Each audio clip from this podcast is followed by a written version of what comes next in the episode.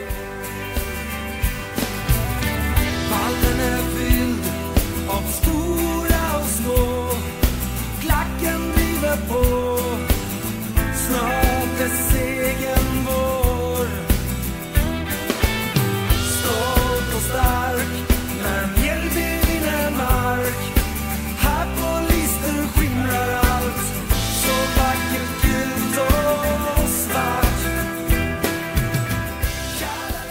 Innan vi drar igång dagens podd, glöm inte att följa oss på sociala medier. Där heter vi Äkta Fans Podcast och finns på Twitter och Instagram.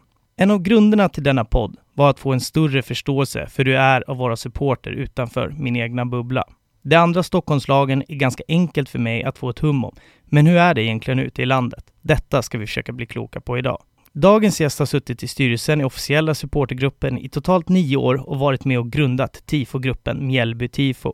Idag ska vi diskutera hur det är att supporta en mindre klubb från en mindre stad. Vi ska prata om hur det är att åka på bortamatch i minibuss i division 1, där det tar en och en halv timme extra bara att köra hem folk för alla bor så utspritt. Vi ska prata om hur det är att känna att man har potential att utföra stordåd, men inte riktigt har manskap för det. Vi ska också prata om hur det är att åka till Stockholm för bortamatch mot DIF och få matchen avbruten på grund av ett päron. Idag ska vi prata om Mjällby. Och med det sagt säger jag välkommen till Äkta Fans Podcast. Douglas Nordenbelt, hur är läget? Läget är bra. Trevligt att vara här. Ja, men vad härligt. Berätta lite nu då för, för, för den lyssnaren som inte vet vem, vem du är. Eh, en liten kort eh, bakgrund på dig då. Eh, ja, vi tar fotbollsbakgrunden då. Jag heter Douglas Nordenbelt. Jag är 27 år gammal och jag såg min första match med Mjällby tror jag 1999. Om inte jag är helt fel så var det Västerås hemma. Mjällby förlorade med 3-2. Det var klassiska mormor och morfar som tog med mig på matchen när de hade säsongskort. Så där fick jag sitta på sittplats och bevittna Mjällby då på den tiden då superettan och därefter tragiskt nog ner i eh, gamla division 2 som nu är division 1. Eh, och det var väl egentligen där jag hårt började följa Mjällby. Gick på i princip alla hemmamatcher fram tills idag då. Och 2008 då, nästan tio år senare efter jag såg min första match så, så tog jag mitt initiativ till att eh, ställa mig i klacken på Strandvallen och eh, där blev jag fast sen efter det. Två, tre år senare, 2011, gick med i styrelsen, ville engagera mig, kände att eh, ja, men jag vill hjälpa till. Jag, vill, jag brinner för sportkultur, jag vill göra någonting åt Mjällby AIF. Eh, jag vill göra det här bättre. Eh, så på den vägen lärde jag känna mycket kompisar och jag är en av de här kompisarna som tillsammans bildade då Mjällby TIFO 2012.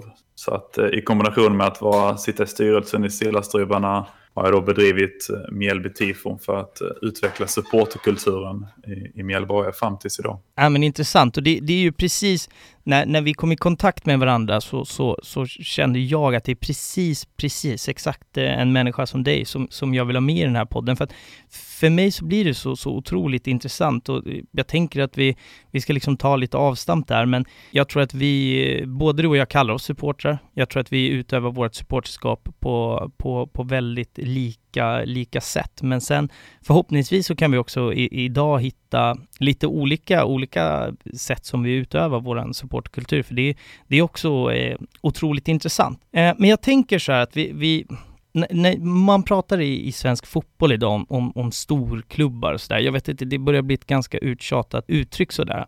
Men om man säger att man, om jag säger att Mjällby inte är en storklubb, är det respekt Alltså skulle du säga att är det, är det respektlös eller är det något, köper du den benämningen? Eh, nej, jag köper det helt hundra. Det, det är inga problem med att eh, vi inte blir kallade storklubb. Jag tror inte vi vill bli kallade storklubb heller. Det, det är lite av eh, vår kultur att inte vara en storklubb utan att vara en liten klubb men ändå kunna göra stora dåd kanske om man säger så. Så att eh, vi, vi lever lite i den självironin skulle jag säga att eh, folk får gärna kalla oss bönder och eh, för skitklubb och alla de här grejerna.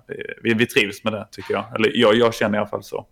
Ja, men det, det, är också min bild faktiskt, att man, att dels oavsett, så man, kan, man kanske inte kan göra jättemycket åt det, men det är jag tycker att många, många som man pratar med bröstar det liksom på, på ett väldigt, på väldigt fint sätt och så här, men man har lite attityden så här, vad ska man säga, färre men värre är ett så här känt uttryck som eh, Djurgården i alla fall brukar använda. Men jag, jag älskar ju den, alltså den, den kulturen eh, när man är liksom en, det, det, det, blir väl betydligt mycket tajtare på något sätt. Alltså, jag bara kan gissa på. Ja, men det blir det ju. Speciellt när man åker på, på bortamatcher så. Det, men också hemmamatcherna. Det är inte lika mycket folk. Du lär ju känna alla människor runt omkring. Du, det är samma, samma gamla gubbe som står framför klacken till höger varje match. Det är, alltså det, det är samma människa som sitter längst fram i bussen varje match. Det, de här människorna är ofta samma. Eh, och det, det var samma människor, de var där när det gick bra i allsvenskan. Vi åkte ur serierna eh, ner i division 1. Då var de här fortfarande samma trogna människor som var kvar där.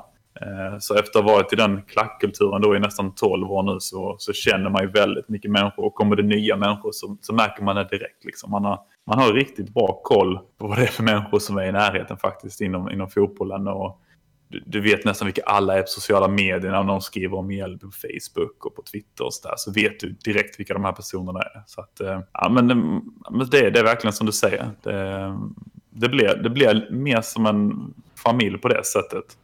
Eh, tycker jag. Och, och sen måste det väl bli så att eh, i och med att det är tajtare grupper så gör ni ett snyggt tifo så vet man kanske också på ett helt annat sätt specifikt vilken person eller vilka det är de här 10-12 gubbarna som, som ska kräddas för det snarare än när det kanske är, eh, vad ska man ta som exempel, om jag går på Stockholmsderby, ja men jättesnyggt tifo, vem ska få den credden? Jag har absolut ingen, ingen aning, för det var, det, det är så pass liksom, mycket folk sådär.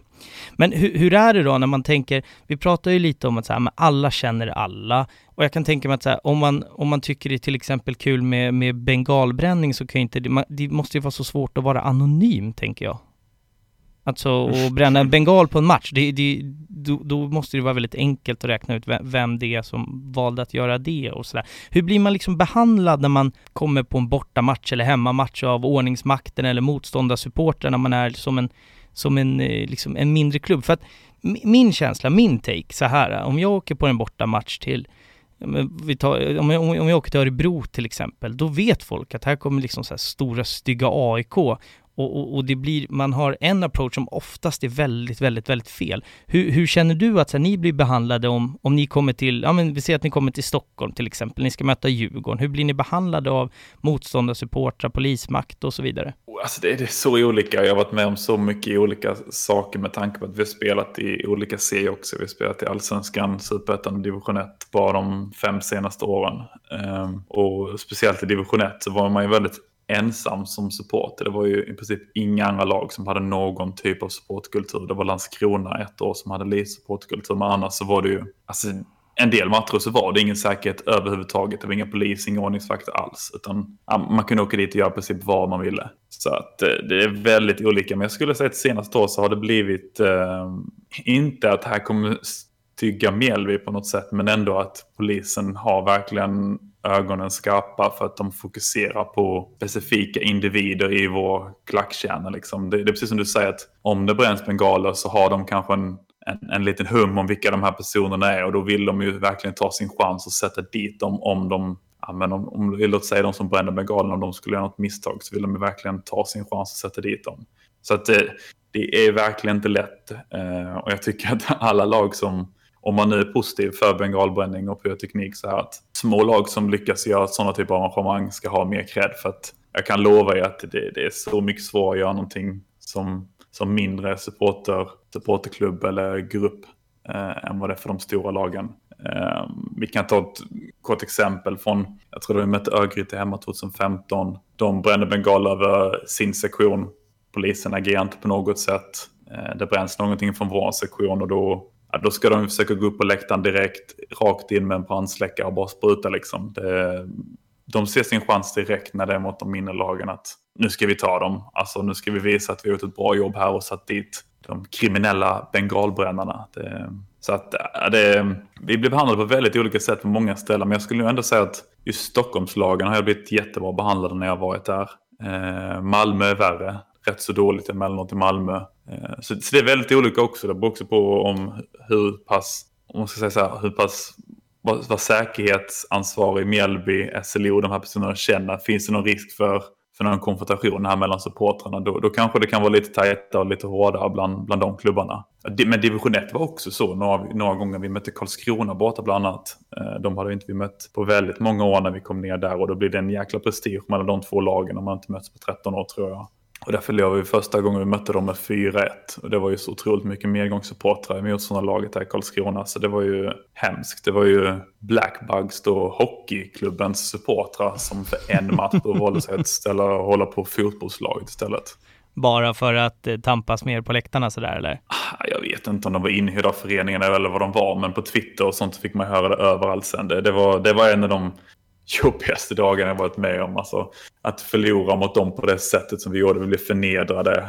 Eh, hälften av det följet som vi hade hade liksom gått hem i matchminut 80. Eh, alltså det var pinsamt att stå där. Det var fruktansvärt jobbigt. Eh, och då brändes det också lite rök och, och där såg ju polisen sin chans efter matchen att nu ska vi in och ta några killar här. Och, och det gjorde de. Och sen när vi mötte dem året efter eh, då var de så otroligt taggade polisen. Det, jag skojar inte om det stod tio poliser och vi kanske en tjänar på hundra personer som bara står och stirrar på oss. De bara väntar på att vi ska göra någonting. Men vi visste ju om detta så vi gjorde inte ett skit den matchen. Så de stod där ju helt i onödan. Jag, jag har blivit engagerad på det sättet också att jag, jag vill gärna dokumentera vår läktarkultur. Så att jag har fotat, jag har gjort filmer åt Sillastribarna. Jag vet inte, folk som tittar på den här, eller lyssnar på den här podden och kanske sett lite läckta videos från Mjällby AF eh, på YouTube. Och det är, det är jag som har gjort dem, alla de videorna i princip. Ja, det är, tanken är ju också så här att, som jag sa i, i introt där, vi, vi, vi har ju en, ehm, ett Instagram och Twitterkonto där, där tanken är att dels är lite det vi pratar om, vi ska gå in lite senare på, på, på tifon och sådär, men där kommer vi att lägga upp lite bilder också. Jag har ju skaffat mig ett ett favorit-tifo från er som jag tänker att vi ska snacka lite om sen, som jag tyckte var mm. så jävla Absolut. snyggt. Eh, så. Men, eh, förlåt att jag avbryter, men det som jag skulle komma in på där bara var att eh, eftersom att jag fotar mycket matcher och sånt så går jag in, går in genom en annan ingång. Och just den här matchen borta mot Karlskrona då så var ju polisen helt övertygad om att jag hade pyroteknik i min väska. Att jag plockade in det genom den andra ingången då för att inte den, de skulle visitera mig. Så just den här matchen hade de ju stenkoll på mig. De skulle undersöka alla mina grejer. Och först sa de att ja, du får inte gå och ställa klacken ens. Utan nu har du gått in den här ingången. Nu får du, nu får du fan stå här istället. Eh, men, men jag lyckades snacka med, med rätt person inom, inom Mjällby och löste då den här processen. Och jag hade ju såklart inga, ingen pyroteknik på mig. Så att de stod där egentligen polisen som fån allihopa. De var så taggade på att bara plocka någon. Det, fin det, finns, finns en del sådana historier som jag skulle kunna gå in på, men, men det kanske vi kommer till, eh, där polisen har varit lite väl taggade för att vi är små lag. Ja, nej men det, det, tycker jag absolut vi ska få um, lägga lite tid på, för att det är ju trots allt så här, lite det vi var inne på också, oavsett om man är, om man är division 1-klubb eller om man är största klubben i allsvenskan eller om man är någonstans i, i mitt, alltså det spelar egentligen ingen roll vad man har för klubbmärke på bröstet. Just nu så den supporterkulturen som, som både du och jag brinner för och alla som lyssnar på den här podden brinner för, den är ju liksom i, i, i grund och botten hotad, där där jag tror att vi har en polismakt som, eh, som just nu bara sitter och gnuggar händerna och njuter ganska mycket av att det är tomt på våra läktare idag. Och när det väl kommer komma in folk på läktarna så är det ju ingen ståplatspublik och så, så har nog polisen det även eh, när denna pandemi är över. Om, om man får gissa sådär. Så att det, det tycker jag absolut att vi ska eh, lägga eh, tid på. Eh, sådär. Men jag tänker att för de som har superdålig eh, eh, koll på Mjällby då. Eh, mm. Från Sölvesborg, Strandvallen ligger väl lite utanför, eh, förstår ja, jag rätt då? Strandvallen ligger eh, en mil ungefär från Sölvesborg. Eh, det är inom Sölvesborgs kommun men fotbollen spelas på ett område som kallas för Listerlandet. Eh, och Listerlandet, eh, där är ju små hålor som, som tillhör Listerlandet och det är ju bland annat Hällevik och då Mjällby. Eh, laget spelar i Hällevik och Mjällby ligger ja, vad kan det vara, 5, 6, 7 kilometer från Hällevik. Men, men det var ju så det startade Mjällby AF en gång i tiden, att det var Listers IF och Hälleviks IF som slog samman och då blev Mjällby AF. Man brukar kalla det bygdens lag. Så att, ja, de spelar Hällevik precis vid, vid havet. Har man inte varit på Strandvallen så borde man absolut åka dit. Gärna en, en varm sommardag och kunna ligga på stranden dagen, alltså innan matchen. Det, det, är fantastiskt. Jag har sett bilder därifrån. Jag vet att eh, min kära far har, eh, har varit där vid flertalet tillfällen och det ser fantastiskt ut sådär. Men om man tänker då, eh, Sölvesborg är en stad med ungefär 10 000 eh, invånare i, i, kommunen och sen har ni väl ett upptagningsområde supportermässigt i, i närliggande städer sådär. Men det, det som är jätteintressant för mig här, det måste ju vara en otrolig närhet till laget till spelarna jag tänker så här, hur, hur, nära är det? Är det så att om man stöter på liksom tränaren på ICA, vilket man borde kunna göra i, i, en, i en stad med, med 10 000, snackar man lite taktik då i kassan? Eller hur, hur är närheten till klubben så där? För det måste ju vara helt annorlunda än vad, vad till exempel jag är van vid. Ja, men det är det verkligen. Alltså speciellt när man är, mm, ja, just nu under corona så har jag varit rätt så aktiv inom klubben på andra sätt, hjälpt dem eh, att göra videos åt, åt Mjällby istället. Så att jag har kommit rätt så nära många personer i klubben och det, alltså speciellt den här lilla kärnan som har åkt på alla bortamatcher under division 1-tiden, superettan. Alltså de, de blev kompisar med de som, som tillhör laget. Inte, inte bara spelarna utan också ordförande, sportchef och alltså vi har fått väldigt mycket cred för att vi verkligen har stått upp för laget i, i ur och skur. Eh, så att efter matcherna, framförallt senaste åren, så är det precis som du säger att jag känner verkligen att vi har kommit nära laget och man kan stå och prata med spelarna efteråt. Och, och skulle jag träffa någon på stan idag, kanske inte alla spelarna men, men definitivt mer än hälften av dem så skulle lätt kunna stå och prata en längre stund med dem.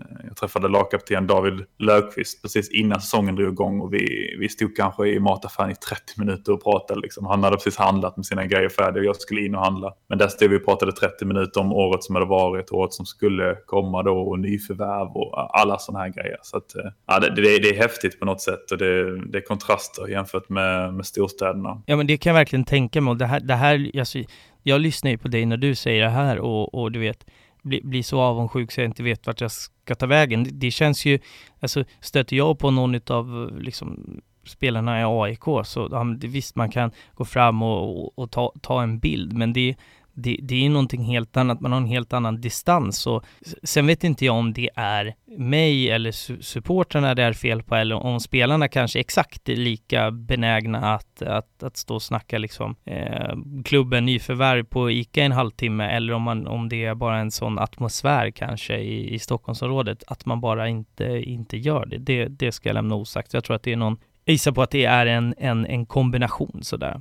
Men vilka är, alltså, vilka är era största antagonister, skulle du säga? Oh.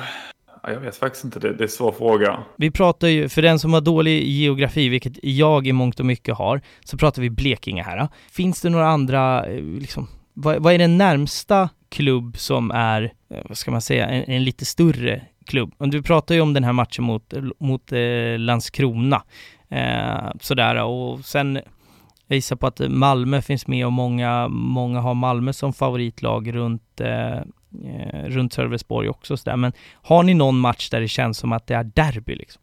Um, alltså division 1-matchen där mot Karlskrona, det, det, även fast det inte var några motståndarsupportrar på det sättet, mer än den här inhyrda klacken den här matchen då. ja, ja. Uh, för året efter så fanns det inga inga supportrar som sjöng eller någonting och det fanns inga bortasupport som åkte Men för oss så kändes det väl ändå, i alla fall första året, där, då kändes det verkligen som ett derby. Det var jäkligt upphypat. Det var nästan 4 000 på en division 1-match där.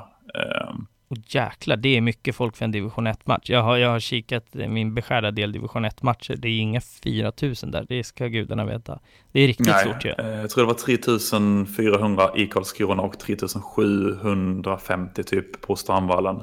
Va, eh, vad tar Strandvallen, alltså maxkapacitet? Eh, jag tror att den tar nu inför, super, eller för allsvenskan här, jag tror att den tar 6000. Tror jag den tar. Ja. Eh, så att 3700 det känns rätt så välfyllt på, på Strandvallen. Men, men utöver, alltså, det, det var ju väldigt många som började följa Mjällby när man gick upp i allsvenskan förra gången, Eh, 2009 gick man upp och spelade från 2010 till 2014. Och då, eh, då var det ju många som fick Mjällby som sitt ja, men lite favoritlag, började följa dem. Eh, lite sådär medgångssupporter, men man behöver också lite medgång för att hitta nya supportrar som kan fastna i det här. Och många av dem som kom in i, i, i klubben som supportrar då var ju med på resan ner i division 1 sen också. Men eh, alltså det, det var ju alltid mycket rivalitet med Landskrona tidigare, superettan-tiden innan mycket upp i allsvenskan. Sen mycket upp i allsvenskan, då blev det Malmö som blev rivaliteten för dem är det säkert inte så på något sätt mer än de, vad ska man säga, de bonniga lokalsupportrarna härifrån som håller på Malmö. Det var ju kanske där prestigen och rivaliteten fanns mellan oss och, och dem. För att många av de här människorna småhejade på Mjällby när man låg i superettan och så gick man upp i allsvenskan och då insåg man helt plötsligt att ja, visst fan, jag kan inte hålla på två lag nu, nu måste jag Ja, nu tar vi Malmö. Nu, nu, nu, nu hånar vi Mjällby lite istället. Så det blev åt det hållet. Och de här supporterna irriterade man sig något fruktansvärt på. Att den kan jag köpa, så det hade blivit galen Alltså det, Ja, alltså det finns inte. De, finns ju fortfarande kvar på Facebook, de här som, som, som bor i Sölvesborg men fullkomligt hånar och skrattar i princip allting som Mjällby gör. Ja, det, det, det är jobbigt att ta det, men, men nu har jag varit med så länge i det så att jag är van, jag kan hantera mig. Innan hade jag svårt att hålla mig på sociala medier och sånt och, och skulle skriva och sådana här grejer. Ja, Eh, och, det, och det var väl egentligen, vad ska man säga, det är deras, det är deras fel att det, det byggdes upp någon typ av rivalitet mot Malmö. Man inte började tycka om Malmö för att förlorade mot, mot, mot Malmö då märkte man det här i vårt område för då fanns det så pass många ändå som håna och irritera en. Och bland de äldre människorna inom Mjällby så lever det kvar sedan 1900, jag vet inte exakt, men på 80-talet eh, så åkte ju Mjällby ut allsvenskan på sista sparken hemma på Stamvallen mot just Malmö. Och Malmö hade ingenting att spela för. Fick möta Sundsvall året efter istället och så åkte Mjällby ner i, i gamla division 1. Eh, Så därifrån någonstans finns någon rivalitet. Så nu när vi mötte dem i kuppen så var det några äldre personer som hade målat en banderoll och stod typ vi glömmer inte 1983 typ. Så att eh, Det är ju ändå finns- kärlek. Det är kärlek sådana där när banderoller, när folk har varit med så där länge. Det, det är fint eh, ändå. Alltså gamla, det, Ja visst. det, där tror jag, det där tror jag är, oavsett vilken klubb du kommer till så kommer det alltid finnas någon på läktarna som säger fan hatar Västra Frölunda. Så varför då? Jo men du vet det fanns en, en match den här gången eller det här hände. Ja, Jag ja. tror att det där är ganska individuellt och, och ganska komiskt och på något sätt fint. Alltså anledningen till att jag ställer frågan om antagonister är för att äh, rivaliteten göder ju intresset. Eh, sådär. Har man en, en tydlig liksom lokal konkurrent eller i, liksom, i grannstan eller i, i någorlunda närområde, det, jag tror att det göder mycket eh, liksom supportkultur och drar folk till läktarna. Det kan vara så att man kanske inte älskar den klubben man, man börjar följa men man, fan, man tycker inte om de andra. Och hur, hur kan Nej. jag få utöva att jag fan hatar Malmö? Ja, men jag kan gå på Mjällbys läktare, då får jag i alla fall hata dem två gånger per säsong. Ja men typ sådär. Jag tror att, jag Ja, tror att det, ja. det där, det göder nog eh, varandra. Eh, I Mm. min Nej, men alltså, åsikt. de matcherna, det var också så att Malmö var ju, har ju varit i en väldigt bra- bra period nu senaste åren, så de har ju vunnit väldigt mycket. Och där på något sätt så har man ju då alltid hejat på motståndaren som Malmö möter. Eh, och man har ju mått bra när Malmö inte vunnit SM-guld. Ja, men det har varit lite sådär halvt småhetsigt inför matcherna. Och vi mötte dem 2010, första året vi var i Allsvenskan då. Och eh, Malmö kunde säkra guldet ner på, ja den hette då Swedbank Arena. Mm. Eh, och vår båtsektion var i princip full, 800 personer. Eh, men jag tror inte att alla de 800 hejade på eh, Mjällby där, utan Nej, det var nog Det var- blandat. Eh, Alla bara ville att Malmö inte skulle få ta guld, liksom. eller? Nej, men, jag- nej, att det var mycket Malmö-supportrar på vår sektion. Jaha, du menar så, Eh, okej. Och det, det alltså så, sånt, bara sånt kan ju trigga en, speciellt på den tiden. Och det, alltså, bara, bara sådana små saker gjorde att det smittades av, små grejer hela tiden. Och, eh, jag vet inte, det, det, kom, det kom små, det var lite kanske minnesvärdeskomplex eh, från, från vissa personer och så. Man hade kanske lite hybris på något sätt, att man skulle kunna mäta sig med Malmö, både läktarmässigt och, och som fotbollsklubb. Men det, det kan man ju verkligen inte på något sätt egentligen. Och Jag tycker bara nu att det är sinnessjukt egentligen att lilla Mjällby kan, kan mäta sig på fotbollsplanen eh, med Malmö. Mm. Men sen är, det- sen är det också, det finns ju, det, det finns ju alla hålor, men det finns rätt så mycket bajare här i området. Det fin- Och jäklar, det här är content för podden. Fortsätt på, på, på det här. eh, alltså jag, jag bor inte så långt från, eh, vad kan det vara, 150 meter ställe som heter Black and White här i Sölvesborg. Eh, riktigt sånt sunkigt ställe. Jag har aldrig ätit eh, mat där. Eh, men det sitter alltid folk där och varje, varje gång Bayern spelar match så hänger det en banderoll där som, som jag tror det är I22-bajarna eh, som de kallar sig för. Där sitter ett gäng, 10-15-tal, tittar på varje match. Den här, det är superintressant för att du kan ju tänka dig, jag är ju liksom born and raised i, i Stockholm. Det här, det här har man ju varit på Bayern om i, i många år och jag hoppas i den här podden också kan man få liksom så lite, lite titt som tätt få slänga en känga att det där verkligen stämmer. Det hade ju varit fantastiskt kul. Det stämmer, alltså det, det gör det. Är, det. är det några typ av klibbor du ser här eh, så är det kanske då och då från bortalagen som varit här, men annars är det Hammarby-klibbor eh, och, och Malmö då. Ja. Eh, det, och när vi mötte, mötte Malmö, eller Hammarby i allsvenskan nu, nu detta året så det, var det en liten lucka man kunde stå utanför och se Mjällbys matcher på Sandvallen. Enda matchen det har varit mot, motståndarsupportrar på det är ju Hammarby och det var ju de lokala bonnesupportrarna härifrån, en del från Ronneby, några från Sölvesborg, säkert några från Kristianstad. Eh, och de stod där utanför och då mådde man ju rätt bra när Mjällby hade vänt i 87 och 93 minuten till 2-1. ja, det hatar man ju inte. Så är det. Det gör man inte. Det, det var skönt. Mm. Men jag tänker att du, du, vi har varit inne lite på det också. du, du börjar gå på matcher. Till slut så, så tar du nästa steg och vill liksom engagera dig ännu mer. Eh, du sitter i styrelsen i, eller du, du har suttit i styrelsen i totalt nio år, vad sa vi, ett års mellanrum där i Sillastryvarna. Berätta Ja. om eh, Berätta om den här tiden. Varför från början?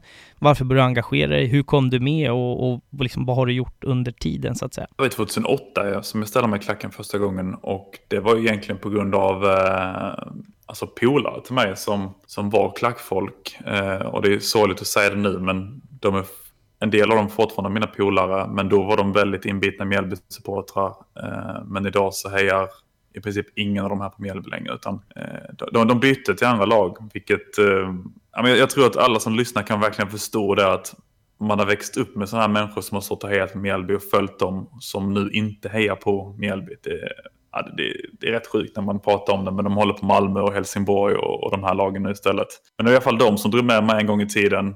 Vi, eh, jag gick på några matcher, hemmamatcher och stod i klacken så absolut ingen ultraskulptur överhuvudtaget. Det var Mjällby, klapp, klapp, klapp. Det var Mjällbyklacken. Det var bajtade ramsor. Det var ju tryckta banderoller. Det, det var på den nivån. Och det var ju de här, det här gänget som jag hängde lite med som kanske ville göra något lite då och då. Liksom att de, de ville ändra på någonting. Eh, så 2009 där, det var då jag verkligen började åka på matcherna. Jag, jag, jag bokade alltid en plats och åkte med på bussresan då som Sillastribban arrangerade. Eh, Och det året då lyckades vi gå upp i allsvenskan och det var ju sjukt häftigt. Ja, då är man ju fast om något, om man liksom börjar ska känna på kulturen och så får man ett sånt år, då är man ju låst. Ja, Sen ja, den ja. köper jag alltså. Alltså när, när jag var liten så sympati, sympatiserade jag också för andra lag. Men, men jag har alltid följt Mjällby. Min, min styvpappa har spelat i Mjällby. Min, eh, min mormor och morfar har alltid haft säsongskort. Eh, min morbror är ju stor sponsor till Mjällby. Eh, alltså min styvfarsas pappa bildade en gång i tiden supporterklubben Mjällby som sen två år senare blev Sillastrivarna. Så jag har haft så mycket Mjällby-anknytning hela tiden. Eh, så att när Mjällby väl gick upp i allsvenskan så var det liksom inget snack för mig att det, det var Mjällby som gällde. Nu, nu finns inga andra lag för mig, även om eh, som yngre supporter hejade då och då på andra lag. Men jag tror att många yngre supportrar är så. Man har inte vuxit upp riktigt och man förstår inte det till 100 procent. Nej, när man är ung så jag tror att många är väl så speciellt om, om man inte har, nu har ju du en, en, en, liksom en tydlig koppling med familjen, men speciellt har man inte det så tror jag att då hejar man ju på dem som vinner, typ. Man kollar på sporten och så att de där verkar bra, jag kan Ja, heja på dem tills man blir lite äldre och, och liksom fastnar ordentligt. Det tror jag att det är, det är nog mer normalt än, än inte. Sen är det väl vissa som liksom, alltså sk- skulle jag få barn till exempel så hade ju det där ungen knappt fått fylla ett innan, innan den hade varit på, på, liksom på, på, på sin första match i princip. Så att det, det är väl bara de här super, super engagerade som tar med ungarna direkt när de är, när de är pyttesmå. Annars så, så, så får man ju liksom en, en chans att välja, välja själv sådär när man jag växer upp oftast. Ja, jag är med dig helt där. Eh, och det var ju faktiskt så att Mjällby låg i division 2 under en tid när jag, när jag började intressera mig för fotboll på riktigt. Eh, så att då var det ändå två serier som skilde upp till allsvenskan. Eh, och det är inte konstigt idag att man hejar på sitt lokala lag men att man också har ett lag i allsvenskan. Och kanske just då för tiden att man hejade på dem som var det bästa laget. Eh, men i alla fall där 2010 då, då kände jag att nu, nu är det bara detta som gäller. Och då var det snack bland de här kompisar som tog med mig. Eh, de startade lite forum och sånt här om att eh, nu ska vi dra igång någon, någon typ av gruppering här nu för att liksom väcka liv i Mjällbys supportkultur. Det var snack om att man skulle heta NG tror jag, New Generation. Jävla namn egentligen. Ja, det är man- starkt man namn. tänker- Det låter som en new generation, låter skriker babyfirma. Det är Ja, ja, ja, absolut, absolut. Och, men jag var med på det här, liksom, kände att ja, men visst, jag är på det. Jag var inte alls drivande i det, men utan jag blev bara med att, ja men, eh, är du sugen på att vara med? Så absolut, eh, kände jag. Och i samma veva då så skulle ju, Mjällby skulle starta firma, skulle de göra. Eh, och man startade till och med en firma som hette eh, Yellow Crew. Okej. Eh, Men eh, man lyckades inte få några arrangerade fighter på något sätt. Utan jag tror man hade en del så små, små försök till att göra grejer. Men att Mjällby då, Yellow Crew, och det, är det konstiga, eller inte det konstiga, men det sjuka att i det här Yellow Crew-gänget då så var det princip ingen som hejade på Mjällby. Det är de som idag hejar på Helsingborg, AIK, Hammarby, ja, de andra lagen. Ja, de tyckte det var kul att slåss bara och tänkte att här kan vi ha en bra anledning. Liksom. Lite så. Så att eh, det fyller ju ingen funktion. Men de här, de här personerna var på de första matcherna. Och de var, vår första match i Allsvenskan 2010, det var ju AIK borta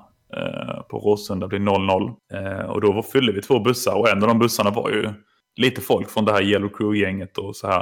Eh, men de försvann ju så jäkla snabbt från det här. Och, och den här New Generation-grejen blev ingenting. Och efter ett halvår in i Allsvenskan så känner man att folk börjar bli mätta på det här. Det var liksom inte lika häftigt längre att Mjällby var nykomlingar. Nu hade man helt plötsligt förväntningar eh, på att Mjällby skulle vara ett allsvenskt lag och att ja, men nu kan jag lika gärna gå tillbaka till det laget som vi egentligen hejar på. Så att efter ett halvår där så dippade Mjällbys supportkultur ordentligt. Alltså det var riktigt bra vissa matcher i början på allsvenskan men sen dippade man. Och sen till 2011 där så var det en ny kompis som jag hade lärt känna som då var Mjällbys kapa också jag kände att vi, vi måste försöka göra någonting ändå. Liksom, att det finns ingen typ av tifokultur här. Vi, vi borde göra någonting, försöka göra någonting. Eh, så att jag, han och en till bestämde oss för att ja, men vi ska i alla fall försöka. Jag hade ingen typ av rutin eller någon typ av aning om hur man ens målar en flagga eller någonting. Så att vi började jäkligt basic 2011 hemma mot Helsingborg. Det var nog andra tifot som jag var med och hjälpte till med. Men vår tanke var bara plast över hela ståplats, hälften svart, hälften gult. Vi, vi, vi tänkte bara att, ja, men, ah, vad, vad, kan gå fel? Så vi riggade upp detta. Jag tror det tog i princip en dag att rigga upp de här grejerna. Eh, vilket inte är så lång tid, men just då kändes det jäkligt lång tid. Eh, ja, speciellt om man aldrig har gjort det förut så, så, så tar jag allting betydligt mycket längre tid. Så är det väl. Oh ja, oh ja. Det, jag kan komma in på det också sen och jämföra då med, med nu. Eh, men i alla fall när vi sätter upp det här, vi sätter upp det så att det är där innan matchen börjar. Så att plastet sitter liksom fast på läktaren med häftpistol och så ska det bara vältas ner över publiken. Eh, och min polare säger till mig att ja, fan, tänk om någon HIF kommer in och gör någonting eller så här. Så är det, fan, det är inget, det är ingen från Helsingborg som skulle vilja förstöra Mjällbys tifo. Kom igen, alltså, varför skulle de vilja göra något sånt? Och jag är hemma, han åker dit lite innan och han ringer mig i panik då och säger bara, ah fan Helsingborg har varit här, de har rivit ner allting som jag fattar då, vi har inte fått reda på detta nu, men som jag fattar då så är det några danskar till Helsingborg som har varit inne på läktaren och rivit ner all plasten då. Eh, så det var ju bara raka vägen ut till Strandvallen, försöka sätta upp det lika bra. Det blev inte alls lika bra, tifot blev inte alls bra. Så att där, där någonstans kände man att fan, det är inte lätt att arrangera tifo alltså. För att det var frustration över att de hade förstört de här grejerna. Men sen också att när man väl skulle utföra en sån här stor grej så tänkte man att ja, men folk fattar ju såklart vad de ska göra. De ska ju bara välta ner plasten och hålla i den. Som jag som har gått på fotboll så jättelänge, det, när det kommer ett tifo så kan man räkna ut ganska fort vad det är man ska göra. Men man ser ju alltid människor, speciellt på derbyn och sånt där, när det är folk som kanske är på sin första match, de fattar ingenting. Nej, alltså många. Och precis så här var den här matchen. Och det, det, alltså det blir katastrof. Det är sjukt fult nu när jag tittar tillbaka på det idag. Men det var ändå på något sätt starten på någonting att vi ville skapa tifon. Så vi försökte oss på lite fler grejer. Det var jag, han och en till då som verkligen inte gav upp det här med att men vi ska försöka göra tifon. Och kollar man från 2011 Ja, ni, har ju no ni, ni, ni, har ju några, jag, jag har suttit och kollat under, under gårdagskvällen. Det finns, det finns några riktigt snygga tifon och jag, jag har ju sån jag tycker att det är så, blir så jäkla inramande och snyggt för att eran eh, arena, den, där klacksektionen är, den är så tight och så lågt i tak så att med, man kan med ganska små medel få det att verkligen täcka hela sektionen och bli jäkligt, jäkligt snyggt. Jag tänker ja. att vi, vi, vi kommer, eh, vi, vi kommer eh, dit sen också, vi ska prata om. Jag har som sagt ett, eh, ett um. favorittifo som jag tänker att vi ska lägga upp på, på, på Instagram sådär, men jag tänker styrelsen där, vad, vilka frågor, när du kom in, var det, var det liksom tifo-frågan som du brann för och var det därför du ville engagera dig, att det ska finnas tifon eller var det liksom flera frågor som, som var dina hjärtefrågor om du förstår hur jag menar? Uh, nej men det, det var nog, uh, det var rätt snabbt att jag ville engagera mig i det och det, det fanns folk som, andra som också ville göra det men som inte riktigt hade engagemanget, kanske inte riktigt visste vad de skulle göra. Jag hade mycket dåliga idéer i början också men det var för att man var ny på det. Men 2011 var ändå starten för någonting. Liksom. Vi, vi kom ändå igång på något sätt. Och det var, det var inga målade grejer 2011. Nej, jag tror inte att det var några målade tifon. Utan det var bara plast och flaggor och sådana här simpla, simpla grejer. Så att inför 2012 där så, så tänkte jag att men vi kanske ska försöka starta en specifik grupp istället. Eh, med lite av de människorna som jag har lärt känna som har engagerat sig lite. Att ska inte vi försöka starta någonting bara som en typ Facebookgrupp eh, tillsammans? Att vi kan bolla lite idéer, vi kan försöka hjälpa varandra till att skapa lite grejer. Så att 2012 började vi då måla lite grejer i ett garage hemma hos en kompis. Eh, med en sån här gammal klassisk overhead som man hade i skolan. Nice! De, där, de overhead-flaggorna, det är, det, är så, det är så old school och, och det är så mycket supporterkultur så det finns inte. Slänga upp en overhead-apparat på, på väggen och stå och måla. Det där är ju Ja. Där har man varit och det, det är bara ren och, och, och kär, alltså, det är bara kärlek kort sagt. Det, det, är fantastiskt. Och vårt, det här garaget som vi var i, det var så jäkla litet med så att vi fick ju flytta de här banderollerna så många gånger. Så att det blev ju liksom, det var ju ett jättejobb att bara göra en banderoll där det stod typ ja, vi hade någonting 2012 där vi skrev tack Bagan och så hade vi ett porträtt av Bagan också. Patrik Rosengren, gammal fotbollsspelare som var eh, riktig legend i Mjällby För oss var det här skitnice att göra en banderoll som var kanske sju meter lång liksom. Mm. Eh, det tog oss flera kvällar att bara flytta den här overheaden då, men nu när man tittar tillbaka på det så tänker man bara fan alltså den där bandollen snurrar vi upp på eh, fyra fem timmar nu, så bra som vi är nu. Men just då, det var den starten och vi var så orutinerade och det var så mycket egna engagemang. Det fanns liksom inga ytor att jobba på. Alla bodde på olika ställen så att man skulle liksom pussla ihop det här och så blev man irriterad för att folk inte kunde. Vi var liksom en tifogrupp på 8-12 personer och det var bara alltid två, tre som kunde. Så att, eh, ja, det, det var mycket slit och, och, redan då märkte jag liksom att, för jag kommer ihåg att vi inspirerades rätt så mycket av alltså, lite de andra klubbarna som målade grejer. Häcken, har alltid blivit hånade för att de är väldigt få personer. Men de har haft också få personer som har varit sjukt engagerade. Gjort snygga, små men snygga och stilrena banderoller. Otroligt välmålade. Och därifrån någonstans såg vi lite att fan, om de kan göra det då kan vi också göra det. Och vi, vi ska på något sätt visa att vi kan vara det bästa av de smålagen. Det, det var lite av vårt mål. Att vi skulle bli bättre än de här andra, vad ska man säga, bondlagen, Häcken, Falkenberg, Halmstad, Eh, alla de här lagen, att vi skulle bli bättre på dem på, på tifon. Det var hela tiden vårt mål. Så vi hade någonting lite att sträva efter. Jag kom faktiskt med i en Facebookgrupp under den här tiden också. Jag blev inbjuden av en Falkenberg-supporter och i den här gruppen var det folk från ja, Brage, Falkenberg, Halmstad, Häcken, nu kanske jag missar någon, Trelleborg. Och där, i den här gruppen blev det lite som en, inte som en tävling, men man, man triggade varandra lite till att göra bättre tifon. Ehm, så att där, där 2012 kände vi ändå att vi kan det här och så för varje år som gick där så steppade det verkligen upp. Det, jag kan skicka bilder till dig sen så kan du se vår utveckling från 2011 till några av de tifferna vi gjort på, på senare. Det, det, det, är häftigt det här är ju Det här är ju en perfekt grej faktiskt, det när vi pratar om det, att, att, att lägga upp på Instagram, att vi, vi lägger upp ett gäng bilder så så kan vi ju starta med kanske, om det finns eh, bilder eller rörligt på, på första tifot där som eh, helsingborgarna pajar och, och sen lite vars det liksom slutar så man får en timeline på det. Det, det kan vara super, alltså super, super intressant att, att ha eftersom vi, vi pratar om det nu liksom. Det, det, mm. det, tar jag gärna emot. Ja, men det kan finnas, eh, annars så finns det något, uh, några bilder från det året, i alla fall 2011 där. Har, har jag några till från i alla fall, också från 2012. Där, där vi började måla grejer. Mm. Um, och jag skrev till dig innan att det var en, en, en, grej som jag skulle nämna där från Kalmar-matchen 2012 som, som vi, vi, ändå kan prata om nu när vi pratar om tifo lite. Kör. Sillastribbarna fyllde 20 år så vi kom fram till att um, vi måste göra någonting. Vi ska göra det som har varit mest avancerat för oss. Jag tror det var en bandoll på 25 meter vi skulle göra som skulle vara från 1992 till 2012 eh, och i mitten så skulle det vara en logga som jag hade designat i, Photoshop då med Sillastrivarnas logga i mitten och någon klassisk fotboll och ja, de här grejerna. Den här har jag sett, den är snygg alltså. Ja, den är helt okej den. Eh, men, eh, och sen skulle vi ha 20 stycken tvåpinnar bakom där det skulle stå 20 och sen skulle plast rama in det på sidan. Det var liksom tanken. Men när vi målade de här grejerna så var Problemet var att man kunde aldrig ha hela banderollen utvecklad samtidigt för att garaget var så litet. Vi är fortfarande kvar i samma lilla garage. Liksom. Vi hade en overhead-apparat eh, så vi var tvungna att tejpa upp en av de här två pinnarna i taget, skissa av en 20 liksom, för det var ingen som ville måla för hand. Eh, men då började vi i alla fall med att måla 1912.